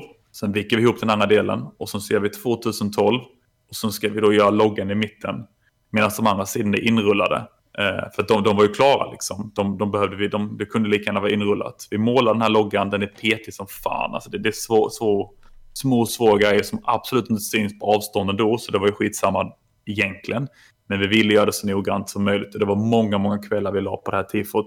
Och när vi väl vi står där på gräsmattan och har gjort klart hela tifot. Och så säger min kompis, eh, ska vi veckla ut hela banderollen bara för att se liksom hur, hur den ser ut? Så säger jag, ja det, ska vi, ja det tycker jag, det tycker jag. Han bara, ja men ska vi verkligen det? Är det inte bättre att ta det imorgon på Strandvallen när matchen är? Jag sa, nej men vi, vi, vi vecklar ut den. När vi vecklar ut den då så ser vi att vi har gjort loggan i mitten har vi gjort upp och ner. Nej. Så att eh, Nej. Loggan som vi har målat är på andra hållet jämfört med vad texten är. Ja, men då, då är det inte den som jag har sett. Jag, jag kikade som sagt ett Nej, jag- jag tror inte att nej, du- nej, det, var, det, här. det var en annan i sånt fall som jag eh, tänkte på. Men okej. Det här är inte supersnyggt. eh, Men då, alltså, det första man kan tänka sig är att man, man bara blir ju trött liksom. Men vi bara skrattade som fan åt detta. Jag tänkte att, alltså vad fan håller vi på med? Jag vet inte. Jag Ja, tycker det det, det är en kul grej att dela med sig av. Ja, men jag, jag verkligen. tror att alla varit med om någon, någon, liknande noob-misstag i början. Vi hade liksom inga personer vi kunde sträva efter. När det kom in nya folk i AIKs TIFO-grupp och i Djurgårdens TIFO-grupp så kan de se och lära från de som har varit med ett tag. Vi hade Verkligen. inga att se och lära från. Det var helt nya. Vi kunde bara kolla på ja, Ultraskanalen som fanns då. Och vi kunde in och kolla på ja, de här sidorna. Så vi fick helt enkelt klippa ut loggan, fick lämna in den till en som kunde sy den på andra hållet istället. Man ser inte att den är sydd, men hade vi inte vecklat ut banderollen hemma där på gräsmattan så hade vi upptäckt att detta kanske var två timmar innan matchen istället. Då hade det ju varit då- som att ni gjorde världens så här protestaktion när man håller flaggor eller emblem Ja, ja. upp och ner. Det hade blivit något helt annan innebörd. Ja, men alltså någonstans så är det väl så här, precis som du är inne på, att den, den yngre generationen som kommer in och börjar engagera sig i det här, det, det är liksom, vägen är ju banad. Det första, eh, det första avsnittet jag spelade in i, i, i den här podden då, då, då pratade vi om AIK Hockeys 80-tal. Eh, och, och där, det, är liksom där eh, min bild av att hela svenska supporterkulturen föds. Så det, det, diskuterade vi där också. Så vi hade ingen att titta på eller så här, hur, hur fan gör man? Man har ingen aning. Och speciellt inte när, man, när det inte finns någon innan. Då är det väl superrimligt, tänker jag, att man, att man Mm. gör några misstag. För hur fan annars ska man lära sig så? Men det som, eh, jag har ju ett, ett tifo, det här ska vi garanterat eh, lägga upp på, Mm. eh, Mm. på Instagram som jag tycker är, är riktigt snyggt. Det är den, eh, den heter, det står hela bygdens hjältar led oss till framgång och sen är det två, två ansikten målade.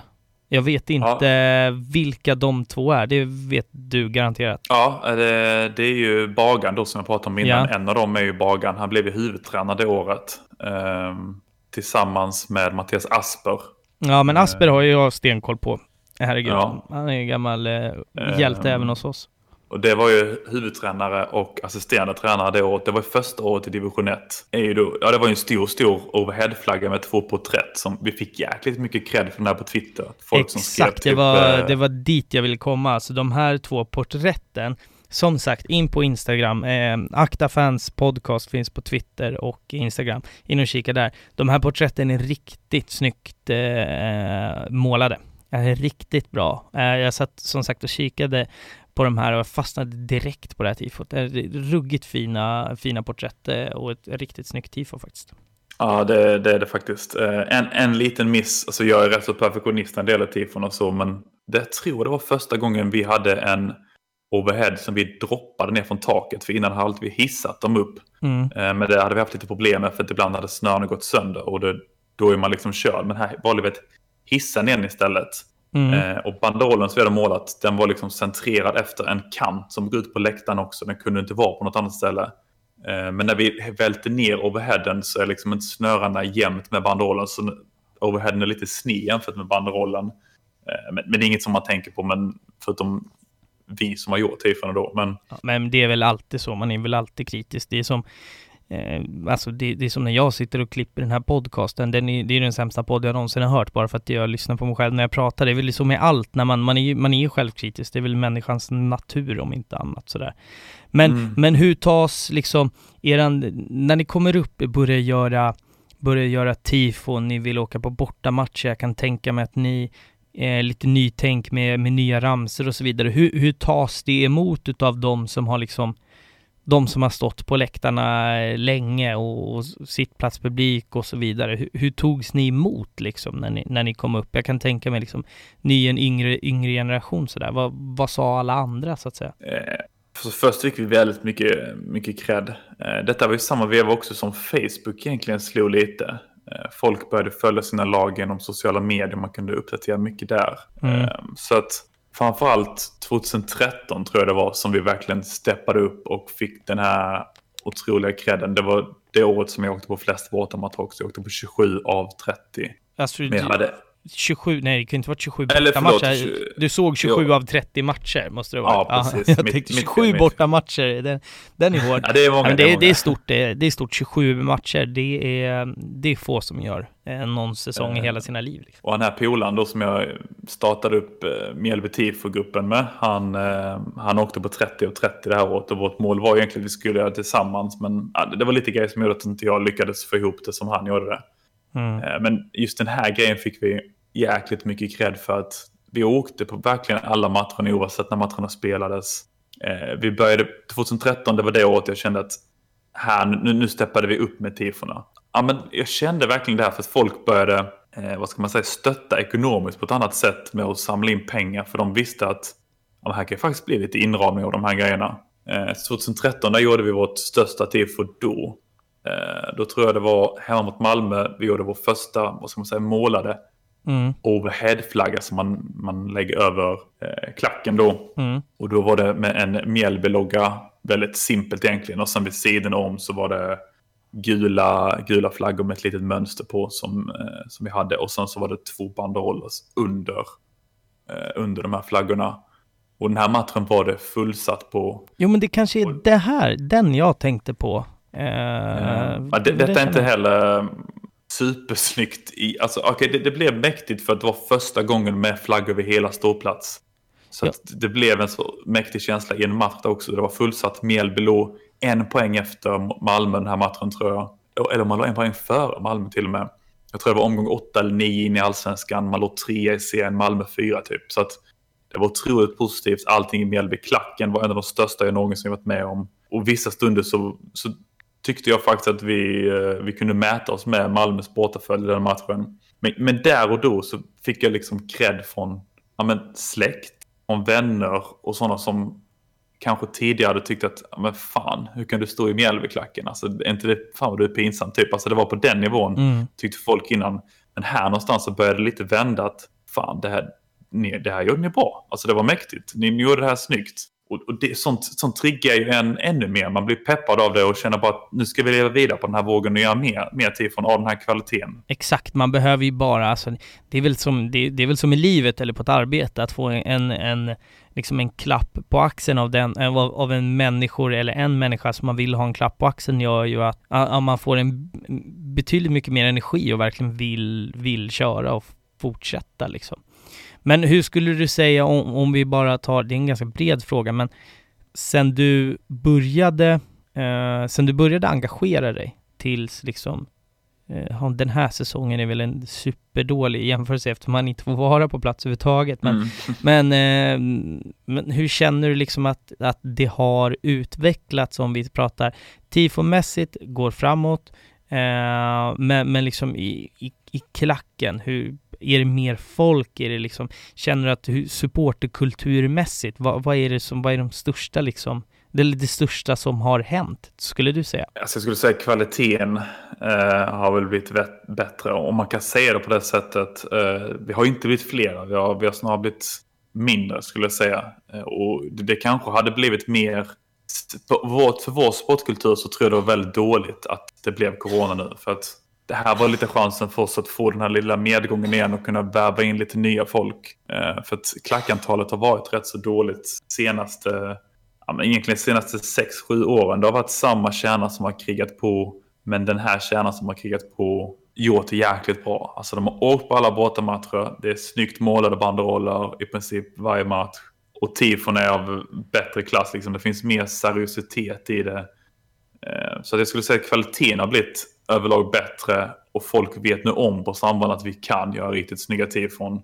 Vi kan göra engagemang som kan eh, man säga, kan smitta av sig till resten av publiken. Eh, Mm. Så att, och det här med ramsor, att hålla igång i 90 minuter i en match. Det är inte många matcher vi inte har hållit igång i 90 minuter de senaste, ja, sen, sen 2013 typ. Alltså det är visst några matcher i division 1 när man ligger under med 3-0 hemma mot Norrby.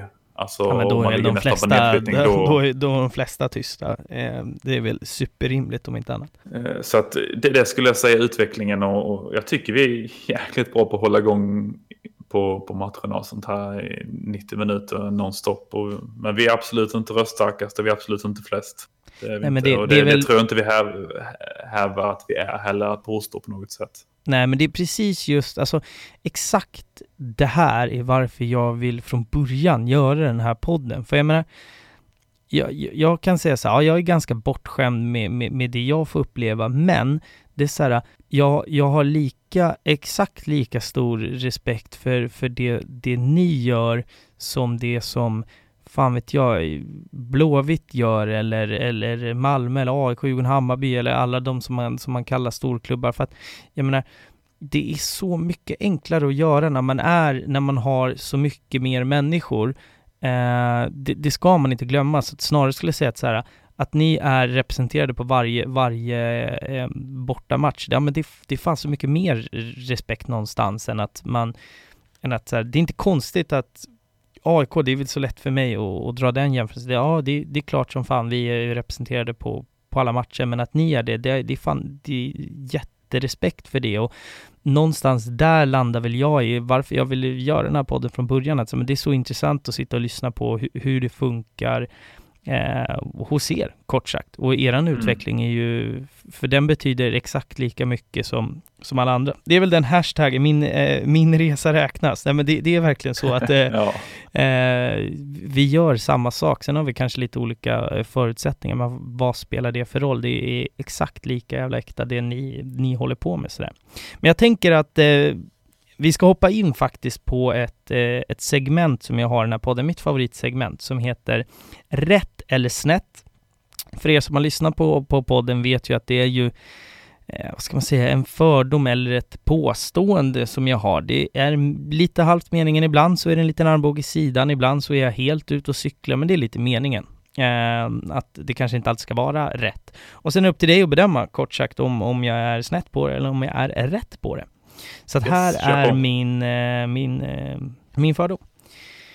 Den hårda aggressiva attityden som finns runt många andra klubbar och klackar har inte hittat era läktare, för dels är det svårare att vara anonym utanför fotbollen och sen är det överlag ett betydligt mycket snällare klimat. Rätt eller snett? Ja, men jag skulle ändå säga snett på den. Um, alltså de senaste åren så har det ändå hänt något, något lite. Det det har kommit in lite folk som är lite mer intresserade av, eh, vad ska man säga, ultraskulturen. Vi är absolut, det finns ingen ultraskupering, vi är ingen ultraskupering med LBT men det finns ändå folk som intresserar sig lite för de grejerna. Och det har varit sina små incidenter de senaste åren. Och jag vet inte om det är något som har byggts upp under division 1 när man har fått lite mer frihet på vad man faktiskt kan göra på arenorna. Alltså det, det har ju bränts mer pyroteknik och, och så här. Men kollar man överlag, det är klart att eh, det är mycket, mycket snällare eh, supportkultur än eh, de större lagen. Nej, alltså, jag, så, så att du förstår, jag har varit snett på det, jag tror nästan varje gång, så att det, det är väl det, det börjar bli en vana för mig, men det är också lite det som är meningen och det, det är ju en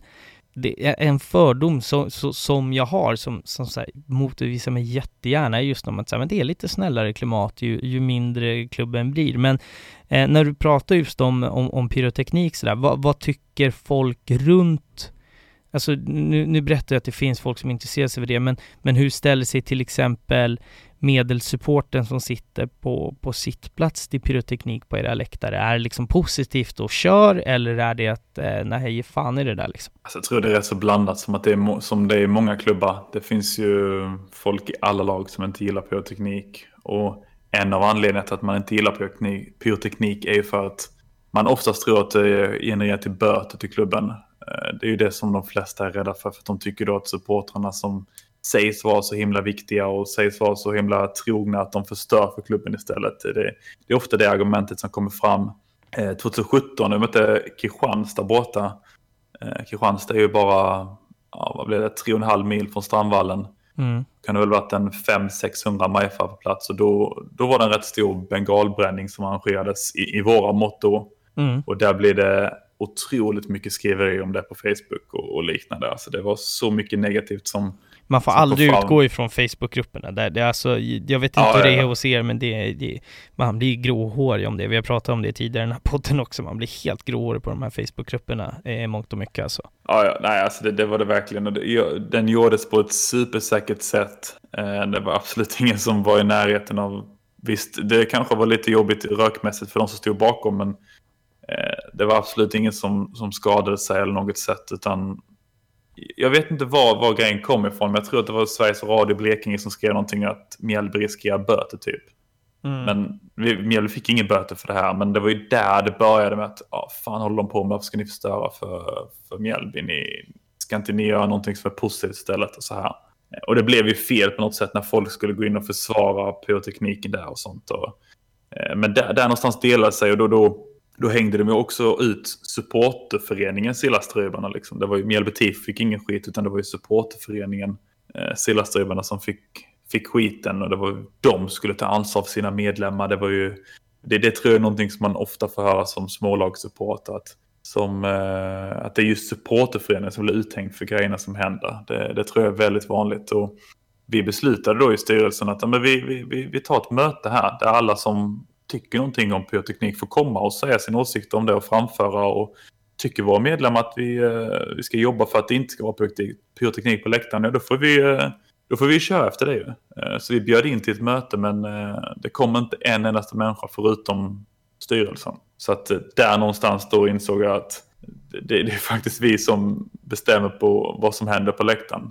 Ja, det, det, det det är mycket snack och det tror jag det blir hos smålagssupportrarna också. Jag tror att bland annat Kalmar har drabbats mycket av det också. De, har- de har gjort en del bränningar där de har fått avstängda människor och så här. Och det, Ja men Sen- det, det blir väl så alltså när, när, när folk drar olika. Jag kan tänka mig också folk är så här, men så här har det alltid varit. Att de, de äldre som, som finns inom, inom läktarna känner så här, men det har vi har aldrig bränt bengaler. Jo men vad fan, jo då, kanske det brändes ska- förr i tiden här också på Jo, jo, men så alltså ö- överlag, jag tänker eh, hos, hos supportrar som kanske inte nödvändigtvis med pyroteknik, men överlag så här, vi har aldrig gjort på det här sättet. Ja, men vad fan, vi kanske ska testa ändå. Vi vill ju utvecklas. Det finns ju folk som verkligen aldrig vill utvecklas, speciellt när det kommer till, till läktarkultur och sportkultur överlag. Så här, men det har alltid varit på det här sättet. Jo, men faktiskt, om vi ska vara ärliga nu, så har det kanske alltid varit dåligt. Eh, och det gäller ju inte, inte i, alltså det gäller ju alla klubbar, alla läktare, överallt. Att man måste ju utvecklas, så är det ju, och testa nya saker för att, för att ta sig framåt så att säga. Mm. Eh, sådär. Men jag tänker att vi ska hoppa in på ett, ett, ett segment. Det var när vi först kom i kontakt med, med, med varandra så, så um, du slängde ut lite krokar att det fanns lite sköna, sköna bortamatcher som vi ska prata om. Så jag tänker att jag bara ska kasta över den, den bollen till dig där du ska få berätta lite om lite roliga och minnesvärda bortamatcher. Den, den jag kommer att tänka på, eh, liksom så här, det som poppar upp direkt i mitt huvud är ju Pärongate, vad är det, 2013 på Stadion va? Ja, det stämmer. Det stämmer. Eh, berätta, hur, hur var det att liksom åka, åka upp till Stockholm för att sen få åka hem och en icke färdigspelad match? Eh, Detta var ju det året 2013 då jag och min polare bestämde oss att vi skulle se alla 30 matcher på plats. Och detta var en måndag 19.00 och för att förstå då så är det ju, ja man är ju hemma 3-4 på natten om man åker direkt efter matchen hem. Så att eh, det är rätt tufft att ta sig till de här matcherna som smålagssupporter eftersom att inte så många oftast vill åka på dem. Men det var ju jag och han då eh, och en annan polare. Tre stycken var vi i en bil som åkte upp Ja, med, eh, med våra banderoller och, och flaggor då, inte mer än så. Eh, vi åker upp och Mjällby hade rätt så negativ trend också här med laget runt omkring att det var snack om att tränaren redan skulle hoppa av innan säsongen och det var håller den här tränaren, håller den här truppen, Mjällby kommer åka ur. Alltså det var mycket sådana grejer. Vi spelar matchen mot Djurgården då som har sista året på Stockholms stadion. De har ett rätt så snyggt tifo över hela Stockholms stadion. Eh, det är bra tryck den här kvällen. Mjällby är totalt utspelade i 37 minuter. Så man, man har inte ett läge, men i 37 minuten då så tar man ledningen. En allsvensk ung kille, debutant, gör målet. Han var kanske inte debutant, men ja, han gjorde sitt första allsvenska mål i alla fall där. mm, han blev så glad den här killen så han väljer att fira och då springer han ju mot Djurgårdsklacken vilket kanske är jäkligt klumpigt. Ja men vad fan, jag hade den, den, det, det hade jag nog också gjort om jag var ung och gör mitt första allsvenska mål. Alltså Ja, man får kanske- chansen. kanske, alltså, det, det, Kollar man, kollar man på firandet så är det verkligen inte så att han, han springer med ögonen mot klacken. Utan han, han springer bara av glädje just åt det hållet. Och då, då börjar det hagla in grejer. Alltså det, när man, många tänker tillbaka till den här matchen så tror de att det bara var ett päron som flög in och träffade en spelare och så avbröts den. Men det, det haglade in grejer. Alltså det var ju ölflaskor, det var ju ja, det var mynt och tändare och ja, allt möjligt flög in. Och då är det ett päron då som träffar. Vi, alltså jag ser ju inte vad som händer. Jag, jag blir bara glad av att det, det är måljubel. Och så ser man att eh, i samband med det här målfirandet då, det, det flyger in mycket grejer liksom. Och att det ligger en Mjällbyspelare ner. Och det första man tänkte då, ah, fan han har fått en glasflaska eller någonting på sig. Så man hade inte en aning om att det var just ett päron. nej, Eh, nej, det är svårt att gissa alltså. men där någonstans då så bestämmer domaren sig för att ja, men vi, vi, bryter, eh, vi bryter matchen tillfälligt. Och så när spelarna går ut mot omklädningsrummet då, då fortsätter det flyga grejer mot dem. Och då kände jag bara att den kommer aldrig ta upp den här matchen igen. Alltså för att när domare och spelare gick i spelargången där så var det någon som stod på den sektionen i närheten där som kastade någon, ja, men något plastglas med öl som bara flög över några av spelarna. Då tänkte jag att nej, de kommer aldrig ta upp den här matchen igen. Det finns inte. Men där stod vi då i typ 45 minuter utan att veta någonting och vi bara, men kom igen. Vi tänkte ju bara på tiden när vi skulle komma hem. Typ. Alltså det... men så kommer då Mjällbys blickvärde till oss och säger att eh, ja, matchen kommer bli avbruten. Eh, och eh, ni kommer bli utsatta lite tidigare. Typ. Alltså, jag vet inte de, om de trodde att Djurgårdssupportrarna skulle vara arga på oss på något sätt. Och detta var första matchen där jag åkte, liksom, vi åkte själva i en bil. Så det var klart att man var lite nervös på något sätt av att, ja, men tänk om de kommer hoppa på oss efter matchen. Eh, Så vi packade ju bara ner våra, våra banderoller i en väska, klädde på oss jackor som man såg att det var Mjällbykläder och sen bara rakt ut i bilen och bara körde hem. Alltså det var, det var sån, sån tomhet och sen var det också frustration därför där kände man att det är klart Mjällby ska ha segern. Mm. Eh, Men nu, nu i efterhand så känner man att nej, Mjällby skulle nog inte haft segern. Det, Men vad, det vad, vad slutade det där med? Alltså vad, spelades matchen om eller togs den vid? Nej, det var ju beslutet först att matchen skulle spelas om dagen efter. Eh, Men sen så överklagade Mjällby, de gick inte med på det och då, då fick de ju segern. De fick en, en, klassisk si- skrivbordsseger som just då när man fick den kändes ju rätt. Men nej, nu i efterhand det är verkligen inte rätt väg att gå. Djurgården hade väl något så här skönt eh, päron-tifo, om det var något år eller några år senare. De hade så här sjukt många uppblåsta, alltså, eller uppblåsbara päron på läktaren. Det är ju i och för sig askul Oh ja, efter. ja, ja, det, det är var, eh, jätteroligt. Vi gjorde också någon grej av det just hemmamatchen där. I 37 minuten så uppmanade vi folk till att ta med sig päron. Så till 37 minuten så började hela klacken käka päron eh, i 37 minuten. Så det har ju blivit en grej från båda lagen av det här. Liksom. Jag tror det kommer att finnas med länge. Eh, Djurgården de hade sådana här, mm, det var som badbollar fast är päron. Typ, Ja, exakt, in. exakt. Ja. Det är skitkul. Sånt här, det, Ja, det- det är så, när, när man kan gå ifrån det här äh, hårda klimatet och bara göra lite humor utav det, det är faktiskt fantastiskt. Kanske inte jätterolig story egentligen, men det, där, alltså det, det, det jag, jag kommer aldrig glömma det. det. Jag var på den matchen, päronmatchen. Jag var på den. Ja, det, det, det, komma det, är något liksom. att, det, det är ändå något att, att ha, att man var, var där. Vad har vi för andra, andra matcher som vi liksom inte får, Eh, får ja, vi, kan missa backa, här vi då? kan backa eh, två kan vi göra. Mm. Eh, kan berätta om ett du, en, em, dubbelmöte kan man nästan säga mot Göteborgslag. Därför vi mötte först Gais en helg, sen var det en hemmamatch och sen nästa helg efter igen så var det Göteborg. Så det var samma arena, samma resa liksom. Och den här matchen mot Gais, det, det är första bortamatchen som vi bestämmer att nu ska vi åka liksom ett gäng här tillsammans. Det var innan Mjällby Tifo var bildat. Mm. Eh, Så vi ska åka ett gäng tillsammans i en, i en van typ som vi har fått tag på av en, en polare. Vi, vi kommer inte på tanken att man kunde hyra en minibuss utan det är någon som har fixat en van där det typ är stolar installerade i den här vanen. Så det finns plats till åtta stycken, vi är nio stycken så vi bara trycker in oss. Liksom. Vi, vi ska få plats, guys båtar då. Ja, Eh, vi stannade innan Halmstad för att, ja men jag vet inte om vi skulle käka eller vad vi skulle göra. Men just där då där vi stannar så är det ju en eh, poliskontroll av någon anledning såklart. Eh, så, och vi, vi tänker att ja, om vi snabbt springer ut här nu så kommer de aldrig kunna räkna att vi är nio personer. Vi tänkte att vi får bara åka åtta den här. ja. Ehm, det slutar med att få 500 kronor i böter för att den här vanen då, den är inte registrerad som en bil utan den är registrerad som en lätt lastbil. Så man får bara åka en person i den. Ehm, så poliserna säger bara, ja men ni kan få dispens, ni kan åka tre stycken i den. Där står vi nio personer. Med en Matchen mack i Halmstad. Ja, Två timmar liksom. Och vi tänker så här, men vi går runt hörnan, han som kör, han får bara köra runt hörnan så hoppar vi in igen. Det är klart vi ska till matchen. Vi springer runt hörnan, han som kör, eh, han har fått sms om att om vi kommer runt hörnan så bara sticker vi liksom. Han kör runt hörnan, öppnar dörren, alla bara kutar in och vi bara kör, kör, kör, kör, kom igen, kör. Men den här killen då, han, han har haft körkort i kanske, han har haft lastbilskörkort i kanske en månad och fått jobb precis som lastbilschaufför och hade prövotid på de här tiderna. Så han sa att jag, jag vill inte detta, jag, jag, jag vågar inte. Och det var bara en annan kille som hade körkort som inte hade druckit då. Så vi beslutade oss för att den här killen, den andra killen som inte hade druckit, han tar en taxi in till Halmstad.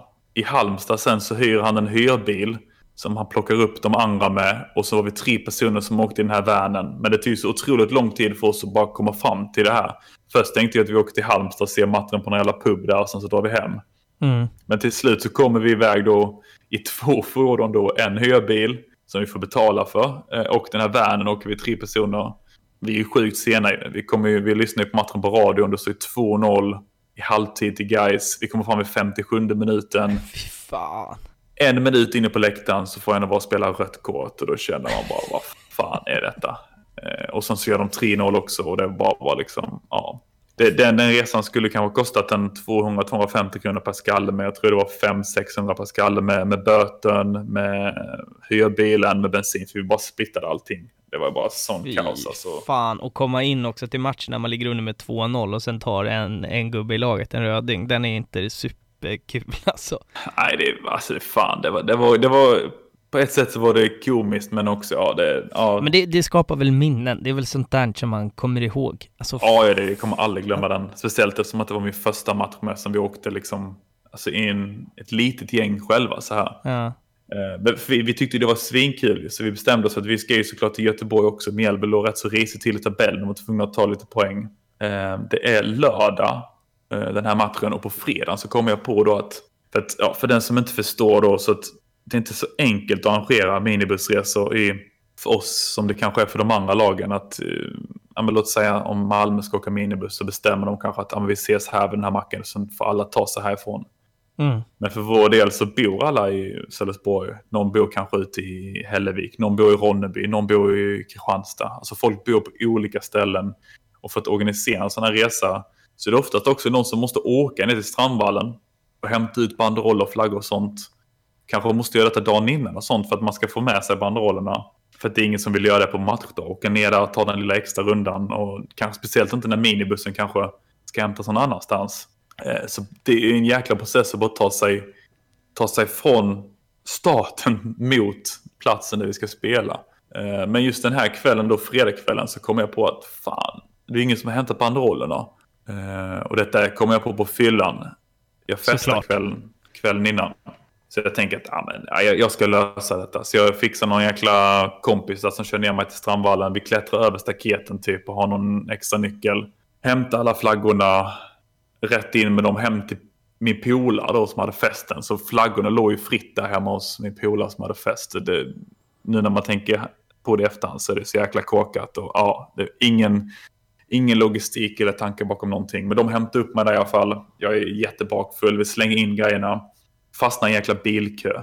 Alltså vi tänker liksom Göteborg andra gången nu, andra, andra gången på tre veckor. Ska vi missa matchen igen liksom? Det slutar med att vi kommer fram i, eh, precis innan andra, andra halvlek börjar. Det står 0-0. Och när vi kommer fram så är bortasektionen avstängd. De har inte fått några rapporter om att det ska vara några supportrar. Så då blir man ju vansinnig. Jag tänker, vad fan ska vi inte kunna komma in på matchen ens? När ni äntligen har tagit er dit liksom. Ja, ja, precis. Och sen på något sätt då så blev vi insläppta för att stå på sittplats nere i hörnan. Ehm, detta var ju lördag med, så folk var ju rätt så fulla. Och det roliga är att vi var ju så stressade in, för vi ville bara se matchen. Så att vi skiter i varenda banderoll. Så att jag hämtade banderollerna i dagen innan var helt i onödan. Vi bara springer in, ställer oss i hörnan där, kör på och börjar sjunga. Ehm, Mjällby gör mål i 91 minuten tror jag det. Vinner med 1-0 gör vi. Ehm, många som sagt är rätt så dragna.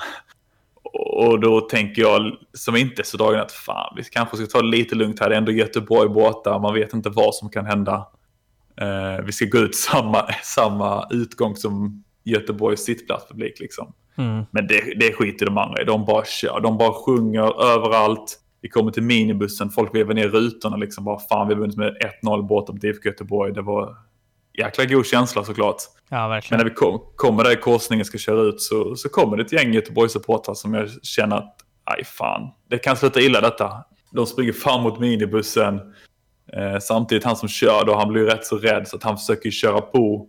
Eh, köra på trottoaren typ och försöker köra iväg. Samtidigt som de öppnar bagageluckan då, som av någon anledning inte var stängd. De lyckas få tag på ett gäng flaggor där och det trillar ut lite grejer. Eh, men vi, vi kom i alla fall där iväg liksom. Eh, och de hade klibbat ner delar av bilen och så här. Och det var, det var himla nojigt, det var hetsigt och det var mycket grejer som hände på en gång där. Och vi hade liksom aldrig varit i de incidenterna någon gång innan. Och det, var, det var inte läge för oss att kaxa där man säger så. Vi, vi hade åkt både rätt så ordentligt kändes som. Ja. Eh, Men en av de här killarna som åkt med oss i alla fall, han, han jobbade tillfälligt i Norge och han skulle till Norge efter matchen. Och- han är glutenintolerans. Så att han hade köpt glutenmat som han hade tagit med sig för två veckor i Norge. Det är, inte, så- det är rätt dyrt i Norge Ja. och det är kanske inte lika lätt att få tag på de grejerna man vill ha i just Norge. Så när vi ska släppa av han, han ska ta sin väska, då inser jag att fan, hans jävla glutenmatväska har ju de snott när de öppnade bagageluckan. Ja, det var det som trillade ut när de eh, rev upp Ja. bagageluckan. Ah, fy fan. Kul Så två att, eh, veckor för honom. Det, det är också en story som jag brukar prata mycket om. Att, eh, att eh, hans glutenmat försvann den här resan. Alltså, det, ja, Nej, det är starkt. Har du någon, eh, finns det någon till eh, eh, bortamatch som vi inte får, eh, får bomma här? kanske inte någon så specifik egentligen. Eh, men alltså alla matcher i division 1 var ju, det var ju en upplevelse i sig. Alltså det, Det kan jag tänka mig, riktigt så här risiga, alltså riktigt risiga, det är väl inte egentligen ens arenor, det är väl så vallar som man kallar Ja, ja, alltså vissa, vissa matcher då står du på gräset liksom med ett räcke framför dig bara. Det två åker båtar bland annat. Två gånger vi, en gång fick vi stå på en liten läktare.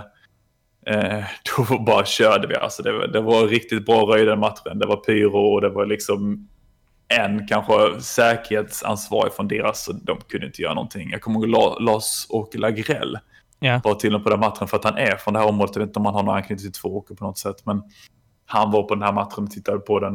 Eh, vi hade två raka kryss. Det var tredje matchen i division 1. Och Max Ekenberg gör 1-0 i 93 minuten. Och den känslan där då, det var alltså så jäkla mäktigt. Det, det låter liksom, det är sådana sjuka kontraster från vad kanske storlagen kan uppleva med att göra ett sånt mål i ett derby. Men för oss där och då var det så jäkla gött. Liksom. Vi vann vår första division 1-match. Det var valborg så det var ju bara fest som gällde. Och jag kommer ihåg efteråt parkering så sprang folk runt med bengaler på park- parkeringen och bara sprang rundor. Och, ah, Ja, ah, det är väl- det väl precis det var det här. mäktigt. Alltså, Två det- år senare när vi mötte ja, försök. två åker igen.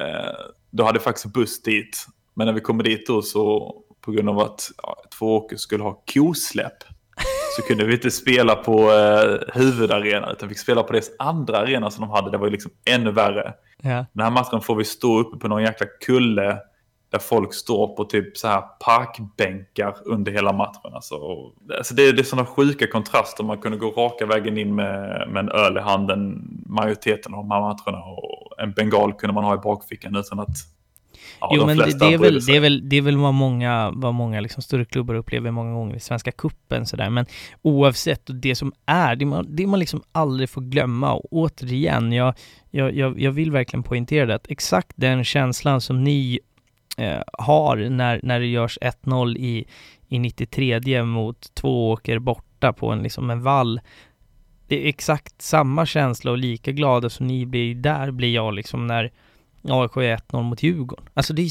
exakt samma känsla fast vi, det är ju Mm. liksom där kanske ni är tio gubbar och man är fler någon annanstans, men det spelar ju ingen roll för att exakt den känsloyttringen är ju exakt samma och det är det som är så otroligt, otroligt spännande och det, det är återigen exakt därför jag vill, vill, vill göra den här eh, podden. Jag har faktiskt också kollat eh, två åker en gång, eh, AIK två åker, då spelade vi inomhus i en inomhushall i Elmia i Kalmar, också en spännande. Ja, det är det också mäktigt. den är riktigt mäktig. Alexander Ja, Isak alltså, gör åker, sin, det- eh, det- sin debutmatch där och gör sitt första mål faktiskt i AIK-tröjan. Ah, Eh, nice. mot två åker borta, 5-1 i, i Kalmar.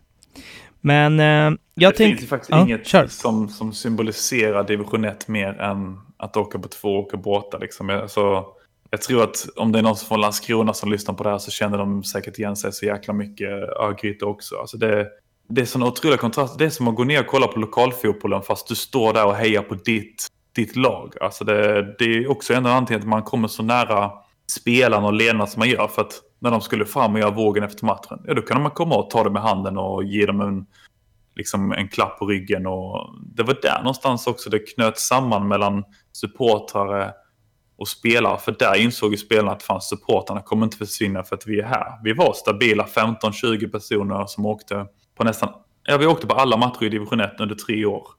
Och det, det, det, ja, det, det är fint på något sätt och det är många som, som åkte på 30 eller ja, 30-30 matcher där på den tiden också. Så att, eh, ja, jäkligt coolt och vi som supportrar vi kom så mycket närmare varandra på, genom att åka de här minibussresorna till alla olika ställen. Och...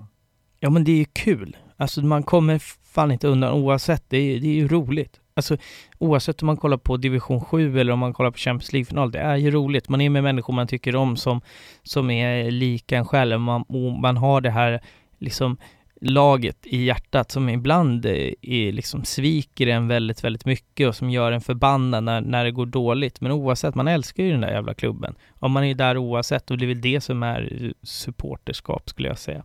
Jag ja, tänker det, vi, det vi, vi ska så sakteliga snart börja knyta ihop säcken. Eh, Mm, mm. Men vi har ett poddsegment till. Fem snabba. Eh, Yes. Klassiskt poddsegment, så ska vi se vad du, eh, vad du säger där. Fråga nummer ett. No pyro, no party eller bengaler out? No pyro, no party. Jag, jag, jag har fått samma svar av alla. Jag längtar tills någon säger bengaler out. Det, då har jag ett helt avsnitt om det tror jag. Eh, Troligtvis, troligtvis. eh, vilket annat lag i Sverige respekterar du mest supportermässigt? Jag måste nu ändå säga smålagssupportrarna, vi, vi är rätt så bra på att backa varandra tycker jag. Eh, Mm. Jag tycker att Häcken och, häcken och, och Falkenberg ska ha mycket cred. Alltså det, om det är någon, några personer du ska med i den här podden så är det inbitna supportrar från de två lagen. Det, det finns speciellt en kille från Falkenberg som du, som du borde ha med som jag ska ge uppgifter till efteråt. Ja, men eh, det, det vill jag verkligen ha. Det är, eh, här, I den här podden så, så är alla verkligen välkomna. Jag vill ju få, få en bild eh, vitt och brett så att säga. Eh, bästa fotbollsminne? Alltså, även om jag har varit med om tre avancemang med att gå upp serie allsvenskan två gånger, eh, gå upp i superettan en gång från division 1, så, så har det varit sjukt, sjukt eh, mäktigt och efterlängtat på något sätt. Men också lite väntat när den väl matchen har varit så att man inte riktigt fått den här alltså, adrenalinet på samma sätt och eh, euforin. Men förra året när vi mötte Dalkurd hemma, vi var kvar i, i toppen av serien. Liksom vi, det var många lag som slog som den allsvenska platsen. Eh, och det kanske är lite tråkigt att ta bästa fotbollsminne som är från förra året. Men jag tror inte någonsin att det är någonting som kommer slå det här. Men Mjällby ligger under med 2-0 i 89 minuten. Och vänder till 3-2 i 89, 91, 93 på Strandvallen. Det, det var inte på något sätt det mäktigaste tryckmässigt. Men alltså den känslan, det adrenalinet som var på Strandvallen efter den matchen. Det går inte att förklara. Det var ingen som fattade vad som hade hänt. Att man lyckas göra tre mål på den tiden, det, det, är, det är sjukt. Det, är det. Ja, det, var, det var helt galet. Ja, men det, den köper jag till tusen och sen att det är från förra säsongen till, Alltså, jag det- säga, att det det var verkligen skit, också, skitsamma. så det var exakt, omgång- det var ju ett getingbo i toppen förra året. I, Jag tror det var omgång 19 Superettan. eller 20 här med. Jag tror 20 var nog så liksom fick man det här, och då känner man bara fan, det här laget kommer inte vika ner sig, vi kommer ta oss till allsvenskan. Och det, spel, en av spelarna bara springer liksom, som inte är framme vid målet, han bara springer raka vägen till klacken, ställer sig uppe på en av de här reklamskyltarna och bara skakar sina händer mot ståplatsläktaren. Och det, jag springer fram och tar honom i benen. Alltså det, ja, det, det var mäktigt. ja, det kan jag köpa. Bästa bortaresa någonsin? Vi pratade lite om, om, eh, om, om bortaresorna, men om du bara kort får, får välja en, den bästa upplevelsen. Eh, då skulle jag säga Öster borta 2013. Eh, det är i alla fall det mäktigaste jag har varit med om. Under den tiden som jag följde Mjällby så var det väldigt sällan det var över 150-200 personer på matcherna. Men just den här matchen så var det upp mot 600-700 personer som åkte från, från Mjällby då till, till Österborta. Eh, och det var, vi skapade ett tryck och en stämning innan matchen som jag jag, jag tror aldrig jag kommer få med om det igen, inte i Mjällby-sammanhang.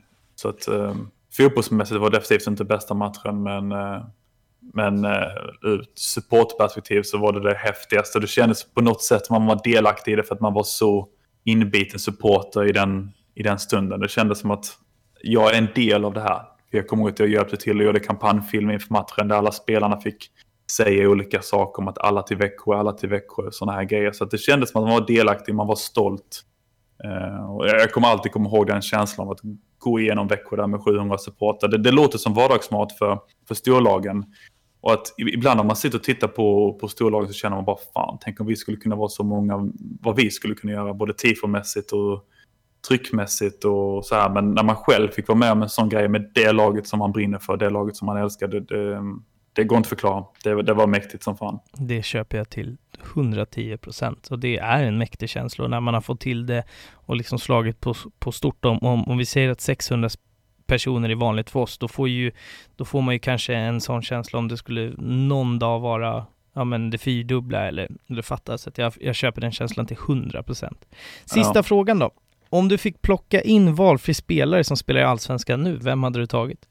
Ja, eftersom att nu skulle jag säga en vänsterback egentligen med tanke på att vår vänsterback idag blir klar för, när vi spelar in det här så, enligt vad jag har hört och är klar för Hammarby så hade vi, är vi ett stort behov av en vänsterback. Men alltså bästa spelare skulle jag säga Christiansen. Jag tror inte att något lag inte hade fått nytta av honom. Eh, jag såg faktiskt en matchen på plats nu senast, jag hjälpte Mjällby med lite fotografering och se den spelaren på nära hand också. Så då, då får man verkligen uppleva liksom vilken kvalitet det finns hos spelarna. Hans snack på planen, hans rörelse, att han alltid vet vad han ska göra efter att han har fått bollen. Alltså. Så att jag måste säga Christiansen på den. Det, det, där skulle jag nog svara faktiskt exakt samma, samma sak. Du, vi har haft eh, nästan en och en halv timme fantastisk eh, tid tillsammans. Vi kommer avsluta här med en en, en, en sista fråga eh, mm. som, eh, som någonstans bakar ner vad det här handlar om. Det jag, alla jag pratar med här, vi har egentligen en sak gemensamt, att vi brinner för exakt samma sak. Eh, utför det lite olika, eh, men vi brinner för samma sak. Så att den vida och breda avslutande frågan egentligen är, vad är supporterkultur för dig? Alltså det är gemenskapen skulle jag säga. Det, för mig är det det.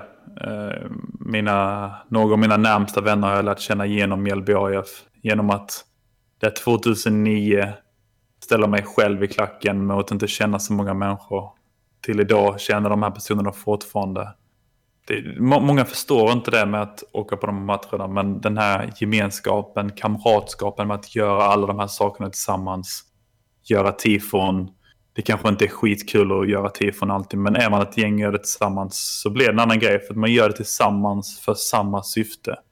Eh, och samma sak när man åker bortamatcher. Det hade inte varit kul att åka själv på de här bortamatcherna. Men sitter man i en minibuss så kan man åka med de här personerna som man kan prata med vad som helst om. Vi har alla olika bakgrunder. Vi ha eh, en del olika kulturer. Vi har säkert olika politiska åsikter. Jag har faktiskt ingen aning. Eh, men vi är alla där av samma syfte och det är för att följa Mjällby AIF när vi när vi väl går på de här matcherna tillsammans så är det den gemenskapen i grund och botten som gör att man, man, man åker land och riker runt och lägger så mycket pengar och tid eh, för Mjällby AF. Så är det, så är det gemenskapen. Mm. Ja, det är ett, ett, ett fint svar och jag är eh, väldigt beredd att hålla med och jag hoppas att det, det, det sitter folk och lyssnar på den här podden som faktiskt inte är supportrar själva för att eh, någonstans så vill jag att de ska förstå, det är väldigt svårt att förklara den, den här primala känslan när ens lag vinner eller gör mål, men det är någonting det är absolut det alltså. utöver det vanliga som inte går att beskriva, så jag hoppas att alla någon gång får uppleva det. Ja. Bara att motivera för någon att man ska åka på en båtmatch 50 mil. Liksom det... Ja, folk tycker man är dum i huvudet, men det är så ja, jävla värt det. Eller sitta i en, eh, en hel lördag i en tifo-lokal och bara måla måla på en stor jäkla overheadflagga eller någonting. Alltså det, folk förstår inte det, men sen så kan de ändå vara på något sätt stolt över vad man har gjort när, när, när man kan se resultatet sen. Verkligen, verkligen. Du, innan vi helt och hållet eh, knyter ihop, har du någonting, eh, någonting sista som, som du vill eh, lägga till här? När, när folk ser våra tifon så kan jag på något sätt hoppas att de är imponerade av det de gjort. Men man, man har aldrig sett bakgrunden egentligen på hur det är för oss som gruppering att göra ett tifo. Alltså det är precis som jag sa, när man åker på en bortamatch så tar det sin tid att bara leta upp alla människorna och plocka upp människorna. Det är exakt samma sak när man ska göra tifo. Vi ska bestämma någonstans vi kan vara. Vi måste hitta en lokal, för vi bor i en sån jäkla liten håla så det finns knappt några lokaler att vara i. Och det är någon som ska fixa färgen i en håla, det är någon som ska fixa tyget någonstans, det är någon som ska ha grejerna hemma. Alltså den här processen för smålagssupport, det är så få personer som har gjort vissa av de tifona vi har gjort så att eh, det, det, det är galet. Det, det, är väldigt sällan det är över fem personer när vi, när vi gör tifon oavsett om det är mega overheads man gör eller man målar en banderoll. Så det, smålagssupporternas supportkultur hänger på så få personer. Var exakt just av den anledningen som jag ville eh, få, sätta mig ner, även fast vi inte sitter eh, framför varandra, men få sitta ner och, och prata för att det är en, en värld som, som jag aldrig har upplevt. Allt har alltid varit bäddat för mig i min supporterresa och mitt supporterskap. Mm. Uh, och det är sjukt häftigt att få höra hur eh, när någonting nytt, eh, nytt föds och arbetet som, som ligger bakom det. Men, eh, du, jag... du är välkommen eh, ner hit när AIK spelar här nästa år. Så eh, kan vi ta en öl innan eller något. Det, den kommer jag hålla dig, eh, vad säger man? Det löftet kommer jag... Jag vet inte. Ja, jag det kommer du hålla helt ja, ja, exakt, exakt. Det tycker jag absolut vi gör. Du, det har varit en, en jäkla ära att, att ha dig med och Eh, du får hälsa alla dina kamrater på, på läktaren att ni gör ett eh, självsäkert jävla bra jobb med de förutsättningarna har. Och eh, eh, för er som lyssnar, återigen, eh, glöm inte att, eh, att följa poddens sociala medier. Akta Fans Podcast, där kommer vi också lägga ut fler utav de eh, tifona som vi har pratat om idag helt enkelt. Och med det sagt så eh, tack och bock för, eh, för detta avsnitt så hörs vi nästa vecka. Ha det fint, ciao! Vi står nere på vallen, Mjällby är på gång. Med ett gulsvart hjärta sjunger vi vår sång. Tempot börjar öka, Mjällby ligger på. Ett lag som är så hungrigt kan man inte slå. Silla står i pannan på rulla. Djurgården lyser! Strandvallens bästa gäng tar till poäng